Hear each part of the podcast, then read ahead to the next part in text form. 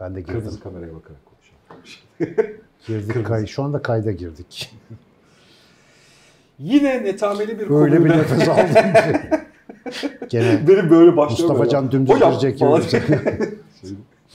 Yine netameli bir konuyla karşı karşıyayız. Güzel bir hikayesi var başlangıçta. Bak e, onu anlatayım. E, Böylece yumuşak bir giriş yapalım. Bu arada gerçekten konu ne olduğunu bilmiyorum. Benim çok eski arkadaşlarımdan bir tanesinin anneannesi. Bu zamanında öğretmenlerde baş öğretmen olunan dönemde baş öğretmen olan bir kadın. Ee, bu diyor çok da severiz ailenin aynı zamanda hafif liderliğini yapar falan. Hani önde olan zihnidir. Hani sorun yaşadığımızda ona gidilir falan. Öyle tipte kadınlardan Bilge. tanesi. Bilge. Ee, bir hasta oldu diyor anneannem. Ve o hasta oldu. Bir hafta 10 gün kadar yattı. İşte onu hepimiz evimizdeyiz, onun evindeyiz bilmem ne gidiyoruz geliyoruz diyor. Hastalığı iyileşti, kalktı ve ben tatile çıkacağım dedi. 15-20 gün ortalıkta yok. 15-20 gün sonra aile konseyini topladı masaya herkesle beraber. Önünde kocaman bir dosya oturtturdu. Türkiye'nin önemli huzur evlerini gezmiş. Çok Çok ciddi. iyi. Tatil olarak önemli huzur evlerini gezmiş. Bunlardan bir tanesiyle anlaşma yapmış. Tamam mı? Planlarını belirlemiş. Bir kez daha ben düştüm yani hasta oldum ya da kendimi şey hissettiğimde ben burayla anlaşma yaptım. Beni buraya götüreceksiniz ve ben burada kalacağım. Bu konu tartışmaya açık değil diye kapatmış. Karizmaya bak ya. ben kendime Vallahi kanaat sana. önderi olarak aldım. Hani konuyla alakalı. Bab- Çok iyiymiş. Babam bana ara sıra aynı hikayeyi sorar. Ne yapacağım lan yaşlanınca? Hani ben evlenmiyorum, evlenmiyorum hikayesiyle beraber. Aynı şeyi kendi zihnimde böyle tamamlamışım. Yani doğru zamanı gelince gideceğim bir yerle bir anlaşma yapacağım. Bir huzur evi bilmem neyle beraber orada kalacağım. Fakat şunu fark ediyorum. Bu toplumsal olarak eski yaşadığımız kültür, o büyük aile hikayesiyle gelen şeyle işte batılılaşan hafif birey hikayesi arasında bu tuhaf bir çatışma diyaloğuna giriyor. Aynen. Giriyor. Bu gayet netameli bir konu olduğunu biliyorum. Yani hem yaşlanan insanlar olarak hem e, yaşlanan ebeveynleri olan insanlar olarak hem bir yandan insanların kendi çocuklarına bir tür gelecek yatırımı baktığını bildiğimiz bir Türkiye'de olarak hem de herkesin bireyselleştiği ve kendi hayatında olduğu bir Türkiye'de olarak bu konuyu biraz orasından burasından çekiştirelim mi? Abi çok iyi konu. Hiç bak spontan olarak aklıma bir şey geldi. Diyelim Hristiyansın tamam mı? Hristiyan İncil'i büyütülmüşsün. Tam rutinler en iyi bildiğim rutinin pazar günü kiliseye gidilecek. Ama kiliseyi sevmiyorsun. Ee, kiliseye gitmek gerektiğine inanıyorsun ama kiliseye gitmiyorsun. Ya da Müslümansın namaz kılmak gerektiğini namaz kılmıyorsun. Şimdi bunu tabii ki yapmamakta özgürsün ama yaşattığı bir rahatsızlık var. Burada bir dilemma oluşuyor içeride. Şimdi inandığın gibi yapamadığın için bu sende bir gerilim yaratıyor. Bunun birkaç çözümü var. Ya onu yapacaksın, ya inancını değiştireceksin. Ona yapmamana bir bahane bulacaksın falan filan. Yeni bir yorum getireceksin falan neyse. Şimdi bahsettiğin konu benim etrafımda hem yakın hem uzak çevremde çok gözlemlediğim bir şeyin adını koymama sebep oldu. Buna benziyor. Geleneksel aile yapısından gördüğümüz temel değerler diyor ki ölene kadar bakacaksın. Ama modern değerler diyor ki ne gerek var? Yani bunun bir profesyonel hizmet tarafı var. Şimdi bu da aynen buna benziyor. Yani e, geleneksel değerlerin dayattığı şeyi ya da öğrettiği şeyi yapmak zorunda hissediyorsun kendini. Fakat şartlar başta olmak üzere buna izin vermiyor. Mesela artık evlerin yapısı bile buna uygun değil çoğu yerde. Yani insanlar buna göre de bir yaşam organize etmiyorlar. Ve dolayısıyla bir önceki nesille özellikle yaşlanmışsa bir yerde kalıp onunla beraber bir yaşam sürdürmeye çalışmak eskiden doğal sabır sürecinin bir parçasıyken şimdi büyük bir işkenceye dönüşebiliyor. Buradaki temel çelişki ya öncelikle şeyi söyleyeyim. Yani evde yaşlı bir insana, bir büyüğüne, anana, babana bilmem neye bakmanın çok zor olduğunu zannetmiyorum. Yani bu e, doğru açıdan baktığında aslında insana çok doyum veren falan bir şey de olabilir. Bu benim tarafımdan işin görünen kısmı ama hem o neslin şu zamanı yaşadığını düşünürsek onların gördüğü şartlar var. Onların işte biraz önce bahsettiğin örnekteki gibi zihinsel bazı yeni şemaları var. Bir de yeni yetişen genç veya orta yaşlı neslin bu kültürden aldıkları bir nasip var. Yani onların algılarında da bir dönüşüm var. Bu ikisi geleneksel kalıpları aynen sürdürmeye imkan vermiyor. Dolayısıyla şimdi artık o büyük ailelerin işte torun torba hep beraber yaşlıların, ninelerin, dedelerin birlikte yaşadığı modelin çözünüyor olmasının sebebi e, zamanın bir sürü gereksinimi. Şimdi zamanın gerçekleri ve geleneksel öğretiler çeliştiği zaman insan davranış değiştirmesi çok zor. Ve burada mesela şimdi senin bu anlattığın anekdotu benim bir geleneksel tarafım da dinledi. Yazık ya dedi içeriden. Yazık dedi. Yani bak kadıncağız ne hallere gelmiş. Halbuki öbür tarafta rasyonel tarafım, daha, daha zamana uygun düşünen tarafım. Abi helal olsun. Çok iyi çözüm. Aynı zamanda proaktif davranıp ailesinde rahatlatmış falan gibi bir taraftan da düşün ama bu iki tarafın sen anlatırken rezonansını ben hissediyorum. Acaba doğru olan hangisidir? Şimdi örümcek adamın kararları gibi tamam mı yani? Büyük güç büyük sorumluluk getirir. Onu mu bunu mu? Şimdi benim bu konuya iki açıdan bakışım olur bugün seninle muhabbetimizde. Şu anda kafamda oluştu.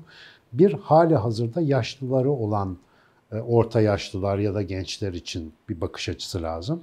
Bir de bizim gibi yaşlanmakta olan insanların ne tarz bir bakış açısı ya da işte önlemler dizisini gündeme alacağına dair belki bir şeyler konuşmak lazım. Çünkü ömrümüz olursa hepimiz yaşlanacağız ama sorun hep başka zamanlarda yaşlanıyoruz. Yani bugünkü yaşlının durumu ile yarınki yaşlının durumu da aynı olmayacak. Nereye gittiğine dair fütüristik yapamayız. Yani toplumun durumu bilinen bir şey değil ama bir şey gördüm sen anlatırken. Mesela şu anda işte bir buçuk senelik pandemi tecrübesinden sonra artık mesela çekirdek aile modeli de değişebilir. Yani çünkü şu anda insanların beraber Daha olmaya tabii her zamandan daha çok ihtiyacı var. Bunun mesela faydalarının tekrar fark edildiği bir zaman. Belki bu iş yani inşallah kalıcı olmaz da kalıcı etkiler bırakacak kadar uzun sürerse eğer böyle bir model değişikliği de tekrar olabilir. Ama bizi buraya getiren süreç neydi? Herkesin kendi parasını kazandığı, mümkünse tek başına kendi kendine yeten bireysel bir yaşam kurduğu falan filan. İşte kapitalist sisteme, serbest pazara güzel Aslında malzeme biraz bir bu- buraya e, Yalı'nın deyimini kullanayım. Çıpa atmak istedim aslında.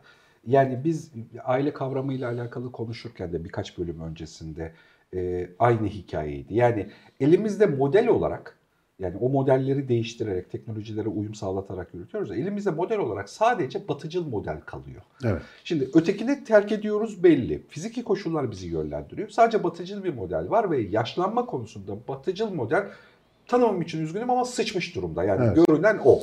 Yani Ee, zaten devletler açısından da büyük bir sorun Evet. şu anda. Evet, yani hani o tarafa doğru baktığımızda bildiğin yaşlanan insandan korktukları bir seviyeye getirmişler toplumun kendisini. Tabii.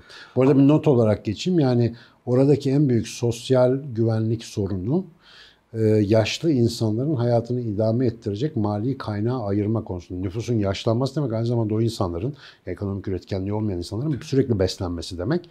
Şu anda 3-4 yetişkin insan işte bir yaşlıyı belki hayatta tutmak için çalışıyor aslında. Yani böyle bir denklem var orada. Böyle Ve bir bu denklem sıkıntı. var ve bu bu oradaki yani mesela Amerika Birleşik Devletleri bu tarz şeylerin çok böyle spot göründüğü bir yer. Oradaki Evet.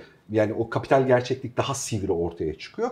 Bunu oradaki yaşlı birey de üzerinde baskı olarak hissediyor. Aynen. Yani beni bakmak için buradaki üç genç bilmem ne oluyor diye oradaki genç olduğunu varsaydığımız bireyler de bunu hissediyor. Bu benim sırtımdaki yük diye. Aynen. Şimdi e, bu böyle olunca hani o çir- çirkinliği görünce bu bir çirkinlik durumu yani toplum bütünsel olarak bir toplum ve artık böyle aleni şey çirkinliğine de varmış durumda. Yani yaşlanan adamın kendisinin elindeki parayı ya arkadaşım öleceksin ne yapacaksın parayı artık bize versene kadar hani aslında sistemin kendisi neredeyse bunu dille, dil- dillendirilmiş hale getirmiş yani toplumun içerisinde. Yellozlaştıracak bir düzeye ulaşmış. Ha yani. yani çirkin yani Amerika'daki hali bu. Avrupa'da daha ılımlı, daha böyle yani bir şey orta karar gibi görünüyor ama bize oranla tabii Avrupa'da çok sivri durumda. Halbuki yaşlanma kaçınılmaz bir şekilde toplumdaki her bireyin süren zamanlamasının sonucu yani. Hani burada Sevimsiz bir mantık kurayım mı? kur bakalım nasıl olacak? Ya mesela kapitalist bir sistemde değerli olman için ne gerekiyor? Ondan bir fayda sağlayabilmen gerekiyor değil mi? Yani senden fayda sağladıkça sen kıymetlisin. Bu genellikle de parasal yani sen mali bir değerin varsa üretiyorsan ya da tüketiyorsan bir şeydesin. Şimdi yaşlının değersiz olması, yaşlıdan alacağımız faydanın kalmaması düşüncesiyle ilgili. Çünkü fayda tanımımız ne? Çalışıyorsa, üretiyorsa ya da hakikaten yiyip içiyorsa, işte ne bileyim tüketiyorsa iyi bir şeydir ama bu yaşlı ikisine de uymuyor. Şimdi emeklilik kavramı gündemimize girdiğinden beri zaten böyle bir sorun var. Biz bu insanları işlevsiz ve ölene kadar idame ettirilmesi gereken e, işte redundant bu İngilizce var ne bu e, ka- kalıntı, tortu bir insan modeli olarak görüyoruz. Halbuki 100 sene önce, 500 sene önce kayıtlardan bildiğimiz kadarıyla yaşlının çok başka bir işlevi vardı. Yaşlı bilgeydi, yaşam tecrübesiyle şimdiki zamanın gençlerine ve erişkinlerine yol gösterme vazifesine sahipti. Torununun bir gönül meselesi olduğunda onu teskin edebilecek kişi nene ya da dedeydi. Efendim ciddi büyük bir yaşamsal karar alınırken dönüp de en son sorulacak bilge yaşlılar arasındaydı. O insanlar çünkü çok görmüş geçirmişlerdi. Ama işte efendim e, durum ne kadar farklı gözükse de onların hikmetle bir şey söylenmesi beklenirdi. Bu bakış açını biliyorum ve çok doğru buluyorum. Aslında zaten sohbetin bir zemininde de buradan faydalanabilmek. Evet. İşte şey. o fayda meselesini tekrar ayıltmak. Mesela şimdi şimdi neden faydasız görüyoruz peki? Yani yaşlının tecrübesine niye kıymet vermiyoruz? Değişen zaman illüzyonu var çünkü. Çok hızlı değişim illüzyonu var. Deden WhatsApp kullanamadığı için senin derdine çare olmayacağını düşünüyorsun. Halbuki insanın dertlerinin hiç değişmediğini anlayabilirsen, yani dünyada işte bestseller olan o Sapiens'lerin falan yazarı ne anlatıyor bize o üç kitabında mesela Sapiens'te, Homo Deus'ta ve 21 derste? insanın değişmeyen ayarlarından bahsediyor aslında evet, ve bunun evet. gideceği yere dair bir takım öngörülerde bulunmaya çalışıyor. Bakıyorsun işte benim fabrikalarındaki iddiam da o. Değişmeyen çok büyük bir kısım var. Ve o kısım farklı adlar altında aynı şekilde çıkıyor karşımıza. İsimleri farklı. Ve gerçek bir hayat bilgeliği aslında yaşadıkça her devirde birikiyor. Ve bir sonraki nesle her zaman faydası var. Ama biz bu faydayı göremeyecek kadar kendi döngümüz içine hapsolduğumuz için, kendi teknolojimizde, kendi oyuncaklarımızla çok meşgul olduğumuzdan hayattaki gerçek sorunlar yerine küçük teknik ayrıntılarla konuları çözmeye çalışıyoruz. Halbuki hep konuşuyoruz ya seninle. Yani sağını solunu değil, kendini değiştirdiğinde bir şeyler değişiyor. Aynen. Ve bu mesele de binlerce yıldır değişmiyor. Son 20 yılda da değişmedi. Yani ben buradayken çok büyük bir değişiklik olmadı. Bu kafayla bakamadığımız için işte mesela dünya böyle bakamadığı için, kapitalistten böyle bakmaya engel olduğu için yaşlı işlevsiz bir şey. Ve yaşlının işlevsizliği bu sorunu şimdi gündeme getiriyor. O kadıncağızın gidip de o huzur evlerini araştırmasının altında yatan alt metin şu. Ben size yük olacağım. Kesinlikle bir faydam olmayacak. Hayatımı idame ettirmek için çok daha rentable yollar var. Ben gittim buldum. Tartışmaya açık değil çok enteresan kısmı bence. Evet. Bitmiştir çünkü bunun başka bir mantıklı yolu yok ka getirmiş işi. Çünkü yani orada şimdi bir başka sorun daha var ve onu da çok mantıklı buluyorum. Babaannem vefat etmeden öncesindeki 4 gün boyunca Samsun'daydık. Beni evime götürün. Öleceğim la ben dedi. Bunu önce söyledi. Öleceğim ben. Anladım beni evime götürün diye ısrar etti. Her bireyin doğal olarak ben de olsam aynısını söylerim. Kendi yaşam alanıyla rahat etmek Aynen istiyor. Öyle. Bir başka Aynen. yaşam alanının yancısı olmak güzel bir fotoğraf değil ki. Onun yaşlı adı verip de onu yaşlı kelimesini kendisi bile bir küçümseme barındırıyor içerisinde. O yaşlı adı verip senin hayatının uydusu yapmak da çirkin bir durum. Sana bakıyorum başlığı altında. Aynen. Yani bireysel olarak kendi yaşam alanı var. Neresiyse küçük ya da büyük o da kendi yaşam alanını da biçimlendirmek. Alıştığı yer. Alıştığı yer ya da kendi kurduğu kararlarını kendi verdiği yer. Hani il, sen de olsan öyle düşünürsün diye zannediyorum. Yani kendi bireysel bu huzur evi ise huzur evi yani oradaysa kendi Aynen kararı. öyle. Mesela o... benim gibi çok göçer insanlar, sürekli hareket eden insanlar öyle bir yere daha cazip bakabilirler. Ben mesela üç huzur eviyle anlaşım Yok Allah izin tabii orada da taşınmak isteyebilirim bilmiyorum ama ya Allah izin verdi o kadar yaşım olursa mesela ben de gerçekten çocuklarıma böyle bir hani yük bırakmama konusunda bir düşüncem var. Yani bir şekilde bir kenara çekilip Elim ayağım tutuyorsa bir şeyler yapmaya devam edip e, ama hani bakımımı üstlenmiş o zamana kadar bir para mara biriktirdiysem işte onu da oraya verip al kardeşim paran da bu. Sen bana bakarsın yemeğimi verirsin falan filan ilacımı neyse.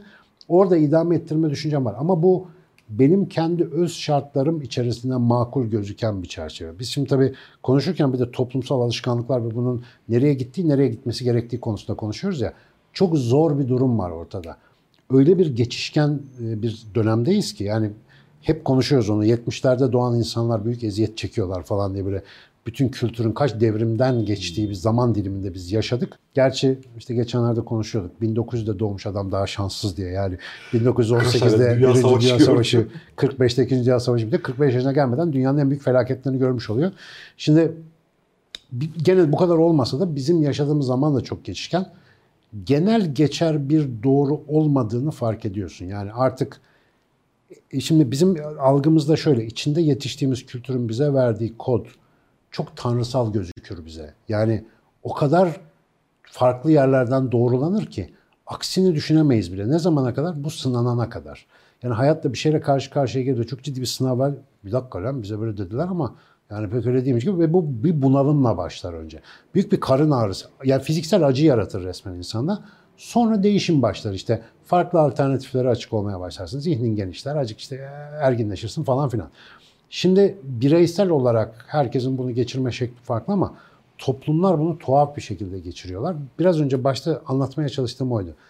Kendi evinde, ailende o kültürel yapıyı muhafaza etmenin erdemli olduğunu düşündüğün için şartları zorluyorsun. Ama bir taraftan da zaman seni başka bir şeye sürüklerken hey, hey, gidiyor gidiyor diye ona bakıyorsun bir taraftan.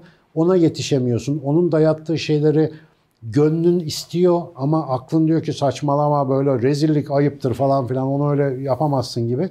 Direktifler, iç sesler büyük bir karmaşa yaşıyoruz. Ben burada bireysel kararın alınması için bazı ön düşüncelerin masaya konması gerektiğini düşünüyorum. Yani bir kere nasıl yaşıyorsun arkadaşım? Nasıl yaşıyorsun çok önemli. Şimdi biz çok yakında ihtiyar moduna gireceğiz. Yani ben zaten daha dün ergendim. Bugün buraya nasıl geldim hatırlamıyorum ama çok yakında ihtiyar Aynen öyle. Hatırlamadığımız kısalıktaki bir süre Hiç, içerisinde. Ya Mesela ben sıklıkla kendime soruyorum. Ben nasıl yaşıyorum? Bak nasıl yaşamak istiyorum ayrı bir şey. Nasıl yaşamak istiyorum beni geleneksel düşünceler ödünç almaya zorlayan bir şey. Çünkü bilmediğim bir geleceği garanti olan bir geçmişten çekebiliyorum ancak. Ama şimdi nasıl yaşıyorum'a baktığımda aga bunun gittiği yer neresidir? Bunu bir görmek lazım. Bu kadar konuşan, 7-24 dolu olan, gece rüyasında beyin nöron gören falan bir adamım ben. Tamam mı? ya? Böyle geçiyor benim hayatım. Dolayısıyla bunun gittiği yeri görebilmek için şu anı iyi anlamak lazım. Etrafındaki insanlarla ilişkilerin nasıl? Onların sana bakışı nasıl? Senin onlara muamelen nasıl? Bunları fark etmeye başladığın zaman yavaş yavaş ben bu konuyu sen söylemeden çok önceden beri mecburen düşünüyorum. Hani yaşlılık psikolojisi hep var ya. Arkada düşünüyorsun. Ve karşına otomatik bir projeksiyon çıkıyor. Bu senin şahsi çözümün. Ama Sinan Canan'a bir televizyon programında sorsalar. Hocam e, işte yaşlılarımıza evde mi bakmalıyız yoksa şey mi? Ne bileyim ben. Benim cevabım bu. Çünkü o kadar farklı aile, o kadar farklı insan, o kadar farklı geçmiş, kültür, yaşlı ve genç var ki. Bu kadar farklılığın içerisinde tek bir formül çözümün içe yaramayacağı aşikar. Zaten biz ne anlatıp duruyoruz abi? Bireysel aydınlanmanın çok önemli olduğu bir devirdeyiz. Hiçbirinin modelinin bize aynen oturmadığı bir zamandayız. O yüzden bu konu hakikaten yaşlanmadan önce şimdiki en azından erişkinler tarafından düşünülmeyi hak ediyor. Yaşlılarımızın da özellikle şu anda bizi izliyorlar var biliyorum yani 70 plus birçok izleyicimiz var bizim. Onların da mesela bu konuyu otomatik düşünce kalıplarının dışında ya başka ne olabilir tarzında alternatiflere açık düşünmelerinin onları rahatlatacağını düşünüyorum. Yani aileleriyle beraber mesela biraz önce anlattığım örnek gibi onlardan ayrı yaşamak isteyen bunu planlamış bir izleyicimiz olabilir. Ama en iyi çözüm bu olmayabilir. Bir etrafına baksın. Mesela insanlar onunla nasıl bir ilişki içerisindeler ailesi. Belki ondan gerçekten istifade ediyorlar. Belki onunla birlikte daha güçlüler gibi gibi çok kişiye özel bir şey geliştirilmesi gereken bir alan burası. Şimdi eskiden e, şey bölümünü anlayabiliyordum. Bunu da e, beraber evrimiz bakış açısı altında e, geçtiğimiz 2-3 sene boyunca birlikte çok konuştuk ve senden çok öğrendiğim şeylerden bir tanesi. 150-200 kişilik küçük klanlar, kabileler halindeyken yaşlanma topluluğun içerisinde hem işlevseldi ama hem de belli bir aşamadan sonra topluluğu yaş, yavaşlattığı için, deforme ettiği için hızlıca da dışarıda bırakılan da bir şeydi. Yani çocuk aldırmak gibi yaşlı aldırmak diye bir şey var. Yani bunu biliyoruz avcı toplayıcı e, yapının içerisinde. Belki bunun da bir getirisi var. Tam olarak emin değilim. Ama şimdiki topluma baktığında işletmeci bakış açısının getirdiği toplumun en verimli ve karlı dönemi işte buna hazırlanan çocukların hazırlanmasına yatırım, bundan sonraki bölüme de zayiat olarak baktığımız ve hani böyle isimlendirirken toplumun değersiz kesimi diye tarif ettiğimiz bir fotoğraf doğuyor. Teknik olarak mümkün değil. Aynen öyle. Yani hani bunun böyle olmasını, böyle pozisyonlanmasının bir şeyi yok, çözümü yok. Şimdi buna yeniden biraz yıkıp yeniden bir tanımlama yapacak bir alan oluşturmak gerekiyor gerçekten. Zorluğumuz şu bence bu konuda. Şu anda bizi işte Nişantaşı'nda üst gelir düzeyinde oturan bir ailenin elemanları da izliyor. Ağrı Doğu Beyazıt'ın bir köyünde de bizi izleyenler var. Biliyorum site analizlerinden görüyorum var. Dolayısıyla mesela bu insanlar çok başka kültürlerde ve çok başka zamansal algılar içinde yaşıyorlar. Çok başka toplumsal hiyerarşik e, kalıpları var ya da e, alışmışlıkları var. Şimdi onların hepsine birden bir şey diyebilecek durumumuz yok ama şu anda en ücra köşede bulunan bir köyde bile bir şeyler değişiyor. O, o da bir risk. Yapabilecek bir şeyimiz var. Aklımda bir şey vardı. Gerçekten bu programın içinde aklıma geldi. Açık Bey'in ihtiyar heyetini kurmamız lazım. Evet. ihtiyar heyeti özellikle ihtiyarlardan oluşmuyor biliyorsun. İhtiyar edebilenlerden. Tamam. Yani yaşı büyük olması gerekmiyor. Ama biz yaşı büyük olanların da bir akıl olarak içeri aldığımız ve onlara da denk olarak davrandığımız bir, bir, bir yapıyı içeri kurmamız gerekiyor. Burada şöyle bir sorun oluyor çünkü. Şimdi kültürel olarak atıyorum 67 yaşındaki bir vatandaşla konuştuğumuzda dinç zihinsel olarak senle benle aynı muadillikte de tonla adam var. Ama mesela kültürel olarak, dilsel olarak e, çok yavaş, hani uzun otoritenin açılımlarıyla konuşan insan tipi de var. Sadece teknolojimiz değişti diye onun dediklerinin değersiz olduğuyla alakalı bir yanılsamamız var. Ama bu yanılsamanın bir bölümü.